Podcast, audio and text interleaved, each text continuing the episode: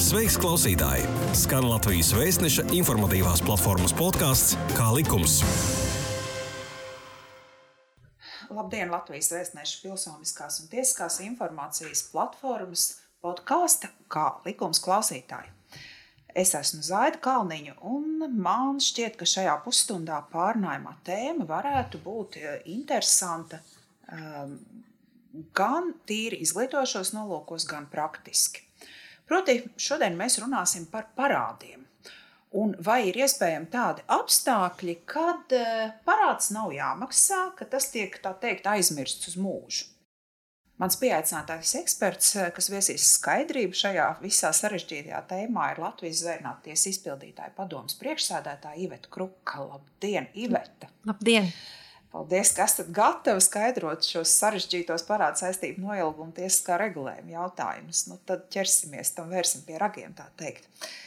Parādnieki tā kā bieži, kā jūs zinat, ir priecīgi laiks iet, neviens neprasa atmaksāt, neviens nepiedzēna, un cilvēks tā kā jau pa visu aizmirst un saka, es jau aizmirsu, un tad pēkšņi bats atnāk paziņojums, ka aizmirstais parāds jāsāk maksāt. Un tad cilvēkam liekas, nu, tik daudz gadi ir pagājuši. Ja? Nu, vai tad, vai tad vairs, ja? jo ar kaut kādiem cipariem pēc likumiem aptuveni operē, ka ir eksistē tāds parāds saistību noilgums, bet īsti nav skaidrības, kad, kuros gadījumos un kā. Tāpēc kā tad ir? Kas ir vispār parāds saistību noilgums un kad, kas to pārtrauc arī? Mm -hmm. Jā, ļoti labs jautājums. Nu, manuprāt, tā pavisam vienkārši runājot, kas ir noilgums. Tie ir tādi, es teiktu, spēles noteikumi, tāds tā kā, zināms termiņš, pēc kura mēs varam rēķināties, kad, ja ir bijis kāds parāds, šis parāds ir noildzis. Un kādi tad ir šie spēles noteikumi? Universālais noilgums ir desmit gadi. Desmit gadi kopš attiecīgā teiksim, prasījuma, uh, izpildes pienākuma iesākšanās brīža. Ja? Nu, tāds klasisks piemērs, ja, ja kāds, kāds varbūt nezinu, aizdevums vai, vai, vai nolīgtais darījums vai pirkums ir bijis jāsamaksā līdz zināmam laikam, 1. janvārim šim gadam, tad universālais noilgums ir 10 gadi. Bet, kā vienmēr ir, bet, ir, ir šie izņēmumi no vispārējā noilguma, un, protams, arī ir šie nosacījumi, kas noilgumu pārtrauc, jeb, jeb teiksim tā, šim noilgumam liek tecēt no jauna. Ja runājam, kas tad pārtrauc noilgumu, tad tas ir atgādinājums par saistību izpildi. Ja? Tiklīdz ir nosūtīts šis atgādinājums par saistību izpildi, tad noilguma termiņš ir jāsāk skaitīt no jauna. Un tāds liels izņēmums, par kuru ir vērts kā, nu, paturēt prātā, tas ir noilgum, noilgums komercdarījumos, jo tur ir nevis desmit gadi, bet trīs gadi. Bet kas tad ir tie komercdarījumi, vai tad pirkums nebūs komercdarījums? No nu, tā vienkāršam cilvēkam Jā, paskaidrojot. Vienkāršam cilvēkam paskaidrojot, vispirms ir jāsaprot, kā šis darījums ir noticis. Tā tad varētu teikt, ka ir darījums starp divām privātpersonām, darījums starp diviem komersantiem un darījums starp fizisku personu un komersantu. Nu, tad pirmajā gadījumā, ja uh, Jānis pārdot mašīnu Pēterim, tad tas ir skaidrs, ka tas ir divas fiziskas personas, viņu savstarpējās civiltiesiskās attiecībās, tur šis noilgums būs desmit gadi, kuru mēs rēķināsim atkarībā no līgumā noteiktiem šiem te, uh, saistības izpildes termiņiem. Ja tāds pats līgums, bet uh, ir piemēram par šo mašīnas pirkšanu pērk Jānis, bet no Sijā Pēteris, tad tas būs komercdarījums, un tur jau būs šie trīs gadi mm, noilgums. Nu, un darījums starp diviem komersantiem, nu, tas ir skaidrs, tas ir, tas ir klasisks komercdarījuma tāds piemērs. Bet varbūt tāda situācija, kad parāds var vispār netikt likts atmaksāt. Teorētiski tā ir, jo tas jau ir teiksim, tā, nu, kreditora izvēle. Varbūt tas parāds ir palicis gaužām mazs, varbūt uh, kreditors saprot, ka uh, nu, tiesāšanās izdevumi un, un, un, un viss ieguldītais laiks un citi resursi nebūs tā vērts. Uh, varbūt kreditoram ir informācija, ka, nu, ka parādnieks tiešām nespēs šo parādu samaksāt. Nu, tā, ir, tā ir kreditora izvēle, un tāpēc jau var šis noilgums faktiski ir ieviests, lai būtu tāda zināma nu, tā skaidrība, ar ko parādniekam ir jārēķinās. Viņš ir, piemēram, klasiskā gadījumā zina, ja es esmu aizņēmies naudu no sava kaimiņa, mēs esam vienojušies, ka samaksa būs 1. janvārī šogad. Ja, un pēc tam desmit gadiem nav bijis nec brīdinājuma, nec, nec tātad arī šī prasība par piedziņu nav iesniegta. Nu, tad cilvēks var rēķināties, jā, ka šis prasījums ir noildzis. Un uh, šis kaimiņš vairs nevarēs viņu tā kā jā, piedzīt. Viņam jā. būs šis liekums, jo viņš ir šo savu termiņu nokavējis. Tieši tā. Uh, jā, varbūt par to noilgumu pārtraukumu. Pastāstiet, kā tas ir, kas, kas, kas skaitās noilguma pārtraukums, kā cilvēks viņu fiziski izjūt. Nu jā, tātad noilguma pārtraukums ir tāds, tātad, ja kreditors nosūta šo atgādinājumu, brīdinājumu, nu, vai jebkuru citu dokumentu, kas nu, būtībā pasaka to, ka nekur tas parāds nav pazudis. Atgādinu, ka jums ir parāds un viņš ir jāsamaksā. Tad no šī brīža arī noilgums pārtraucās. Ja? Tā tad ir atkal jārēķina. Tas nozīmē, ja ir piemēram šis komercdarījums kā pamats uh, konkrētai situācijai. Tā, ja reizi trijos gados šis atgādinājums tiek saņemts, tad faktiski katru reizi tas noilgums tiek rēķināts no jauna. Ja?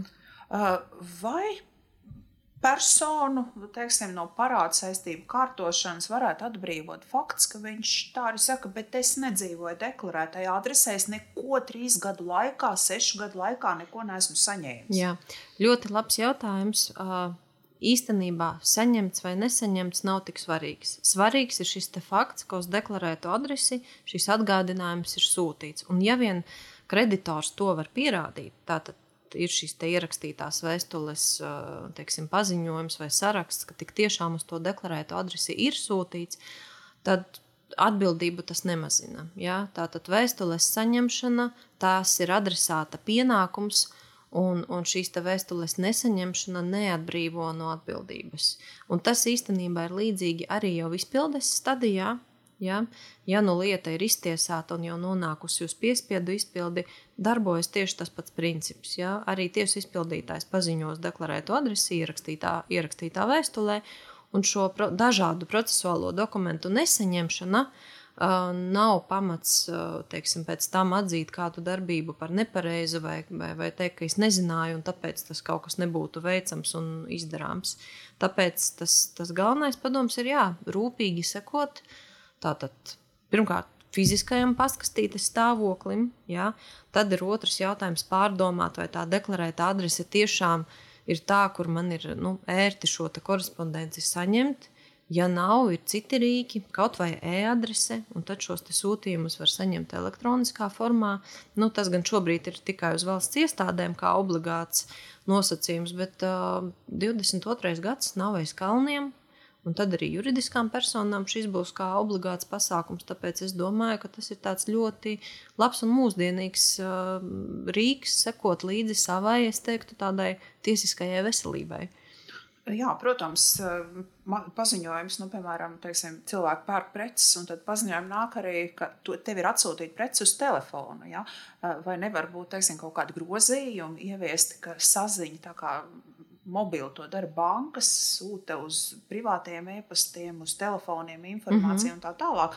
Varbūt arī e, šis varētu mazināt šo parādu saistību, nu, pirmkārt, jūgu. Jā. Ja runājam par to teiksim, dokumentu apriti, kas jau ir nu, izpildes stadijā, jā, tad mēs par to arī esam domājuši. Ir, ir plānā šie grozījumi, kas to arī nosaka, ka, ja ir zināma personas e-pasta adrese un persona ir izteikusi vēlmi uh, sazināties elektroniski, tad viennozīmīgi tā, tiks, tie, tā arī tiks izmantota. Nu, e-adrese ir pats par sevi, online režīmā pārbaudāms jautājums. Tā kā, jā, es domāju, ka laiks ir uz priekšu, un tā arī noteikti būs, bet, bet arī šobrīd ir ļoti daudz rīki, kas šo procesu var krietni atvieglot, un, un, un arī, arī pastāv var nokārtot, lai nāk ja ir ierakstīta vēstule, lai atnāk informatīva īziņa, ka ir ierakstīta vēstule vai kāds cits sūtījums. Ja? Ka tā kā galvenais ir pārdomāt nu, to ērtāko risinājumu, un, un arī šobrīd ar esošajiem līdzekļiem, manuprāt, tā gana efektīvi to var atrisināt. Nu jā, skaidrs, nezināšana no atbildības neatbrīvos. Tieši tā. skaidrs. Kā likums? Kā likums? Jā, tu klausies Latvijas Vēstneša informatīvās platformas podkāstu Kā likums? Ir tāds, tāds īpašs regulējums, kas saistīts ar komerclikumu 408. pantu, tur ir tā, ka situācijās, ja darījums noticis pirms 2010. gada, tad eh, eh, šis minētais pāns saka, ka noilguma termiņš piemērojams no 10. gada 1. janvāra. Eh, kad ir, iestā... kad tad ir iestājies tad īsti tas noilgums? Varbūt šo pantu pakomentējot, ko tas īsti nozīmē? Kur Nu jā? Es arī mēģināju saprast to atšķirību, un tad būtība ir. Šobrīd gan laikam šis jautājums ir mazāk aktuāls, jo nu, teiksim, uz tādām jaunām saistībām, kas ir, kas ir nodibinātas pēc šī te 2010. gada 1. 1. janvāra, tad ir šis klasiskais risinājums. Ja? Trīs, trīs gadi ir noilgums šiem prasījumiem, kas izriet no komercdarījuma. Bet tātad, ja saistības ir noslēgtas pirms 2010. gada 1. janvāra, bet kuras vēl nav noilgušas, tad arī tām piemēro trīs gadu noilgumu termiņu, un to skaita no 2010. gada 1. janvāra. Tātad 2013. gada 1. Uh, janvāris ir nu, tā, teiksim, tāda liela trekna svītra šīm saistībām. Ja vien šī saistība, kura ir bijusi pirms 2010. gada 1. janvāra, jau pēc tā brīža spēkā esošajiem noteikumiem nenoilgtu ātrāk. Tad ir piemērojams šis ātrākais noilgums. Bet šobrīd es pieņemu, ka varētu būt, ka šis ir tāds jau mazāk aktuāls jautājums, bet, nu, jebkurā gadījumā, jā, tad, tad norma ir labvēlīgāka, teiksim tā, patērētājam un šo te noilguma termiņu samazina.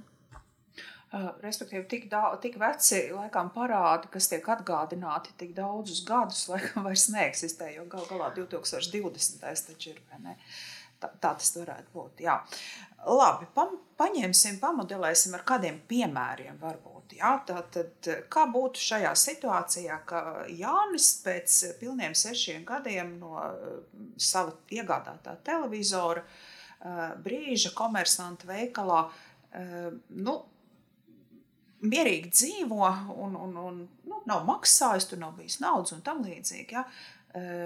Vai viņam kāds vēl nav, nu, vai kāds vēl viņam var prasīt šo mm -hmm. parādu atmaksāt? Seši gadi ir pagājuši. Jā, tātad pirmais. Neko nav saņēmis. Jā, jā. Pieņemsim.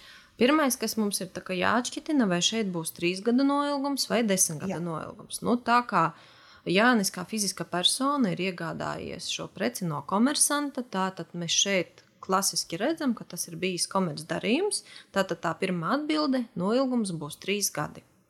Nākošais jautājums nu, būtu jāizanalizē šis te, uh, pirkuma līguma nosacījumi, līdz kuram datumam tad bija jāveic pilna šī samaksa par veikto pirkumu. Nu, pieņemsim, ka šis datums arī jau ir, jau ir pienācis, iztecējis, un kopš šī datuma ir šie seši gadi pagājuši.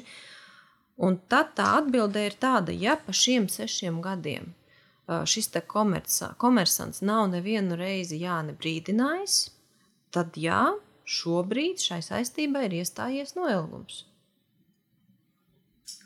Ok. Vai komersants līgumā varētu būt tiesīgs noteikt garāku, kā to paredz likums šo termiņu? Jā, tieši to arī gribēju pieminēt, ka nē, garāku termiņu par likumā noteikto um, līgumā nevar noteikt. Tāpat būs spēkā likumiskais, likumā noteiktais noilgums. Puses gan varētu vienoties par īsāku termiņu. Ja? Nu, Tātad šī norma ir nu, labvēlīga patērētājam. Bet, ja mēs šo pašu piemēru pagrieztu otrādi, ja piemēram Jānis ir nopircis no šī komersanta televizoru un konstatējis, nu, ka viņš neatbilst nekādām nezinu, prasībām un, un, un, un vispār ir maldināts par šī te varbūt uh, kaut kādām tehniskajām īpašībām, tad Jānis pret šo komersantu gan prasījumu varētu celt desmit gadu laikā. Jā, jo tas vairs nebūtu, uh, teiksim, tā nebūtu saistība, kas izriet no komercdarījuma, jā, bet tā jau ir saistība Jānim pret šo uzņēmēju. Mhm. Ā, Ļoti labi piebildi. Labi, skatīsimies tālāk. jauku piemēru. Kas notiek, ja uzņēmums, kam Jānis ir parādā savu darbību, piemēram, ir izbeidzis, nu, likvidēt firmu, mm -hmm. respektīvi. Ja? Un, piemēram, pirms sešiem gadiem nu, tā, kādā firmā uz nomaksu pirkts mobilais telefons, par ko nav maksāts. Uh, uh, nu, tagad uh, tagad vairs eh, arī mierīgi varēs dzīvot šis eh, cilvēks. Nav, nav maksāts firma, izbeigusi savu darbību. Jā, šeit ir kārtībā. Jā, te atkal būtu tieši tas pats stāsts. Tad, jā, saprotam, ka tas ir komercdarījums, tātad ir trīs gadu noilgums. Nākošā lieta būtu jāsaprot, vai šeit pa vidu ir bijis kāds atgādinājums vai nav bijis. Un, ja nav bijis, tad īstenībā varbūt šī saistība ir noilgusi pati par sevi, neskatoties uz to, ka tas uzņēmums ir vai nav likvidēts. Bet, ja no atgādinājums ir bijis, tātad uh, noilgums tā ir pārtraukts tek šobrīd no jauna, bet uzņēmums ir likvidēts, tad teorētiski jautājums ir par to, ka iespējams uzņēmums pirms likvidēšanas šos prasījumus kādam ir cedējis, ja? bet tad jebkurā gadījumā arī par to, uh, ir jāsaņem informācija ja, no, no šī jaunā, jaunā kreditora, ka prasība ir cedēta, un, un, un tagad es esmu jūsu jaunais kreditors, nevis tas iepriekšējais. Bet, jebkurā gadījumā, arī uz, ja pat saistība ir cedēta, uz šo jauno kreditoru attiecās tas pats noilgumā termiņš un tie paši noteikumi. Tā kā jebkurā gadījumā, ja ir šie septiņi gadi, uh, un nav bijis atgādinājuma, tad es teiktu, jā, saistība ir noilgusi. Kā ir ar mantotām parāda saistībām? Vai tās mantojuma saņēmējam būs jāatmaksā? Piemēram, tas pats mantojuma atstājies uz nomaksu, ir iegādājies mhm. mobilo mm -hmm. telefonu un nav samaksājis, un mantojuma tiesībās stājies ir nu, tas, kas ir stājies, viņam būs par šo telefonu jāmaksā. Jā, arī, arī mantojuma tiesībās, manuprāt, ir ieviests tāds nu, labs labs, labs šis mm, risinājums, kas nodrošina tādu nu, caurskatāmību, skaidrību un, un, un visām pusēm tādu izpratni, kas, kas ir, kas nav un kas būs un kas nebūs. Un proti, arī mantojuma lietās kreditoram ir jāpiesaka savi prasījumi. Un tie prasījumi, kas nav likumā noteiktajā termiņā un kārtībā pie notāra iesniegti, tiek dzēsti. Ja? Tā tad ļoti līdzīgi nav pieteikts, uh, tagad, nu, cits tas tiesiskais risinājums, bet doma ir ļoti līdzīga. Ja? Ka nevar tā būt, ka mantinieks ir pieņēmis mantu, un tad pēc gada uzzina, ka ir bijis nesamaksāts rēķins, un tāpēc tagad viņam ir kā mantiniekam jāatbild. Ja?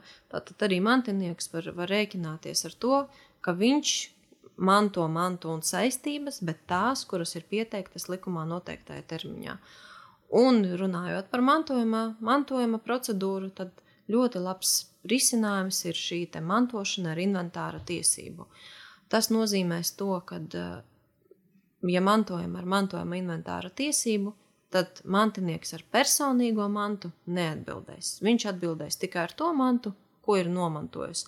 Un, ja, piemēram, viņš ir mantojis saistību, nezinu, 10 tūkstošu vērtībā, bet manta ir tikai 5000 vērtībā. Jā? Nu, tātad šī manta atbildēs par saistību, un ar to arī ir viss. Jā, par, par atlikušo neizpildīto daļu mantinieks ar personīgiem līdzekļiem arī neatbild. Līdz ar to tas arī ir tāds labs, labs rīks, kā, kā droši priekš sevis teiksim, mantot, tādā ziņā, ka nu, neatbildēt ar personīgo mantu. Kā likums? Kā likums? Jā, tu klausies Latvijas Vēstneša informatīvās platformas podkāstu Kā likums? Nākamais piemērs. Kad ir teikt, pēdējais brīdis, kad var sākt mm, piedzīt nenokārtības, nenokārtotas parāda saistības divu privātpersonu starpā? Nu jā, šis ir tas klasiskais desmitgadu jautājums. Un te ir vēl jāat, jāatzīmē tā, teiksim, tie desmit gadi ir divos pieejienos faktiski. Ja? Ir pirmkārt termiņš, kad vispār var vērsties tiesā ar attiecīgu prasījumu, ja? un šie ir tie desmit gadi. Bet, ja jums ja, ja ir tiesa ir bijusi, jautājumu izvērtējusi un pateikusi, nu jā, Pēterim par labu Jānim ir jāmaksā šī līgumā noteiktā summa, tad arī, lai šo lietu iesniegt izpildē, jā, izpildu rakstu iesniegt izpildē, arī ir šis desmit gadu noilguma termiņš. Ja? Tātad pēc pozitīva tiesas lēmuma saņemšanas, arī tad ir šis desmit gadu noilgums. Ja, ja persona zina, ka jā, man ir zaudēta teiksim, tiesa, piedzinējs pagaidām vēl nav gājis pie tiesu izpildītāja ar, ar lūgumu veikt piespiedu izpildi, arī šajā daļā tas noilgums ir desmit gadi. Un, attiecīgi, ja lieta ir iesniegta tiesu izpildītājiem, tad noilguma termiņš netek, viņš ir apturēts līdz, līdz parāda um, nu, apmaksai vai citiem apstākļiem, kas lietvedību izbeidz. Izņēmums ir šis naudas sodu piedziņas lietas, jo tur likumā ir noteikts īsāks noilguma termiņš, tie ir pieci gadi kopš izpildu lietas reģistrēšanas brīža. Tātad, ja administratīvais sots netika piedzīts piecu gadu laikā, tad pēc šī termiņa daļā par sodu lietvedība tiek izbeigta. Labi. Nākamais. Vai sieva var piedzīt parādu no vīra? Var. Kāpēc nevarēt? Nu, kas viņai būs jāpierāda? Ne, nu, pirmkārt, jau kas tas ir par parādu? Nu, klasiskais, ko piedzen, tie ir uzturlīdzekļi. Tas arī ir parāds. Jā? Likumā noteikts pienākums maksāt. Ja, un, un pat ja ir kopīga maisaimniecība, ja, varbūt cilvēki dzīvo kopā, tīri tehniski kopā, bet faktiski, faktiski katrs pats par sevi, jā, arī tad uh, otram vecākam ir pienākums palīdzēt uzturēt bērnus, un ja viņš šo pienākumu nepilda, tad otrs vecāks, nu, klasiski, protams, mamma var vērsties tiesā un uzturlīdzekļus piedzīt. Tikpat labi varbūt arī ir kāds līgums savā starpā noslēgts. Ja? Tas jau neliedz iespēju uh, arī kārtot kaut kādus saimnieciskus darījumus savā starpā. Un tad, protams, var, var vērsties tiesā un piedzīt. Respektīvi, ja, piemēram, sieva būs pārskaitījusi vīram uz bankas kontu noteiktu summu ar pamatojumu aizdevums, tad tas ir pamats, ka viņa faktiski tas vīrs ir parādā. Nē, nu, tas jau liecina, ka ir bijis kāds aizdevums. Ja jautājums, kā ir šis darījums, vēl pēc tam arī noformēts dokumentu veidā un kādi ir šie atmaksas noteikumi, bet tīri teorētiski, jā, fakts, ka abas puses uh, sastāv laulībā, nebūs šķērslis uh, nepiedzīt parādus. Ja? Tas tā kā nu, pie, pie laulības šķiršanas, mantas sadales uh, gana bieži tāds, tāds risinājums. Jā. Un, piemēram, nu, es minēju šo piemēru, ka šis tikai bankas pārskaitījums, bet līgums nekāds nav slēgts. Tas ir pamats vai ne? Nu, es domāju, ka jā, jo tiesa jau vērtēs visus apstākļus. Jā? Gan šo te, vai, vai pietiks tikai ar šo, grūti spriest. Jā? Tas jau būs tiesas lemšanas jautājums un sacīkstes princips, kā otra puse to pamatos. Jā? Bet nu, faktiski arī, arī šis jau ir kā pamats nu, kā runāt par kaut kādu noslēgto darījumu. Jūs minējāt ja, par šo jauno situāciju attiecībā uz administratīvo sodu piedziņu. Varbūt ieskicējiet to jauno kārtību. Jā, tātad runājot par administratīvajiem sodiem, un, un šobrīd spēkā ir, nu, gribētu teikt, jaunais administratīvās atbildības likums. Un tas, kas ir jāpaturprātā, ka, ja personai ir piemērots naudas sots, naudas sots ir jāsamaksā 30 dienu laikā kopš lēmuma pieņemšanas brīža. Ja vien tas nav apstrīdēts, kas loģiski, jā, ja, ja nepiekrītam konkrētajam lēmumam, cilvēks to apstrīd, un, un protams, uz apstrīdēšanas laiku šis te, termiņš, nu, teiksim, netiek piemērots jā, līdz, līdz brīdim, kamēr stāsies likumīgā spēkā. Uh, Un jārēķinās ar to, ka, ja šo 30 labprātīgās izpildes termiņā, 30 dienās šis sots netiks samaksāts, tad tā piedziņa no, tiks nodota piespiedu izpildēji, un tad arī, protams, būs jāapmaksā arī papildus radušies sprieduma izpildes izdevumi. Bet um, tā labā ziņa ir uh, šis princips: maksā ātrāk, maksā mazāk. Ir zināmi priekšnoteikumi, ja, kuriem izpildoties persona var uh, tātad uh, pretendēt uz pusi no soda, ja nevis uz pilnu samaksu. Piemēram? Tātad sodu atzīst, samaksā 15 dienās. Tas nav veikts kādos atbildību pastiprinošos apstākļos. Nu, viens no tādiem klasiskajiem atbildību apsti pastiprinošiem apstākļiem ir alkohola reibuma stāvoklis. Gada laikā nav bijuši citi šādi sodi, ja, un, un uh, Jā, un ir arī ir bijis ieradies uz šī administratīvā pārkāpuma lietas izskatīšanas nu, šo mm, datumu un laiku. Ja? Pastāvot visiem šiem apstākļiem, tad ir iespēja kā, pretendēt uz daļēju atbrīvošanu no soda apmaksas. Uh, ir iespēja šo sodu palūgt sadalīt termiņos vai, vai pagarināt apmaksas termiņu. Līdz ar to ir daudz šo rīku, uh, kā tiešām, ja ir objektīvi apstākļi, kas liec samaksātai 30 dienās, kā šo termiņu var, var pagarināt un, un, un nu, saprātīgi priekš konkrētās situācijas nu, viņu piemērot saprātīgi.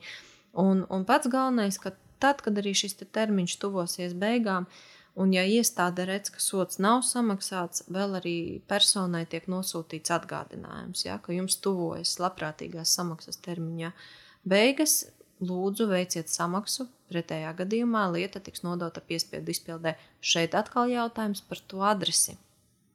Vai saņem to brīdinājumu, vai paspēja laicīgi šo informāciju saņemt un, un atbilstoši rīkoties.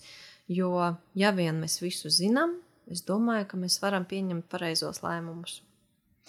Uh, nu, tad atgādināsim, varbūt šīs sarunas noslēgumā, kā tad jārīkojas tam uh, pilsonim vai, vai iedzīvotājiem, kas ir saņēmis šo paziņojumu, aicināt nokārtot parādu saistības?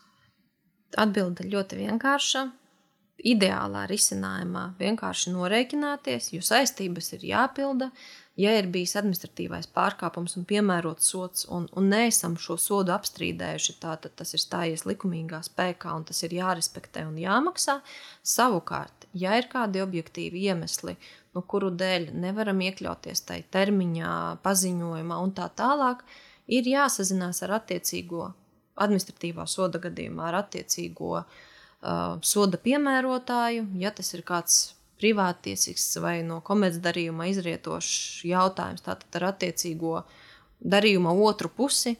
Ja tie ir piemēram uzturlīdzekļu piedziņa un, un jums uzraksta vēstuli uzturlīdzekļu garantiju fonds, tātad ar uzturlīdzekļu garantiju fonda administrāciju, uh, un jānokomunicē, un jā, jāizstāsta tas savs plāns. Jā. Es nevaru mēneša laikā, bet gribu samaksāt pusgada laikā. Un lūgt vai nu sadalīt, vai atlikt, nu, atkarībā no konkrētās situācijas. Uh, un, ja viss ir nokārtots un nokļuvis jau pie tiesas izpildītāja, un tiesas izpildītājs sūta šo uzaicinājumu parādu saistības kārtot, ko Jā, darīt tad? Kas nereti tā arī ir, ka tiešām mēs saņemam uh, lietu, Un uh, klients uzrunā un saka, bet kā? Es taču divas dienas atpakaļ esmu jau visu samaksājis. Ir jāatsūta tiesu izpildītājiem šis maksājuma uzdevums, un, ja tik tiešām parāds, jebkurš parāds, vai tas ir administratīvais sots, vai, vai parāda piedziņa, vai uzturlīdzekļu piedziņa, tātad, ja tik tiešām parāds ir samaksāts pirms izpildu lietvedības uzsākšanas, tad parādniekam vairāk nekas nav jāmaksā. Jo tieši tādas situācijas nereti arī gadās, kad, nu, teiksim, tās lietas ir samainījušās pastā. Ja? Kreditors jau ir izsūtījis, parādnieks arī jau ir savu, savu maksājumu ir izsūtījis, un kamēr tā lieta nonāk pie tiesu izpildītāja un tiek pieregistrēta, kreditors jau savu, teiksim, vajadzīgo summu ir saņēmis, bet lieta arī jau ir paspēta uzregistrēt. To likums ļoti, manuprāt, korekti un taisnīgi atrisina. Ja tik tiešām tas ir izdarīts pirms lietas reģistrēšanas, nekas papildus nebūs jāmaksā. Runa ir par šiem tiesas izpildītājiem. Jā, jā, jā. jā. Uh, jā. Labi, droši vien tā būs nākamā mūsu sarunas tēma, par ko mēs runāsim. Neskaidrības ir liels ar tiesu izpildītāju izdevumiem, tieši šīm interesantām situācijām, kad tās jāmaksā, kāpēc, un, un cilvēki ir sašutuši kurā brīdī, īpaši parādnieki. Bet eh, teikšu paldies eh, Ivetai Krukai par stāstījumu par parādu saistību noilgumu, par, par parādu saistību kārtošanu, kārtējo reizi atgādinājumu. Un, uh, Tiksimies nākamajos podkāstos. Ar jums kopā bija Zaida Kalniņa un Iveta Krupa. Paldies!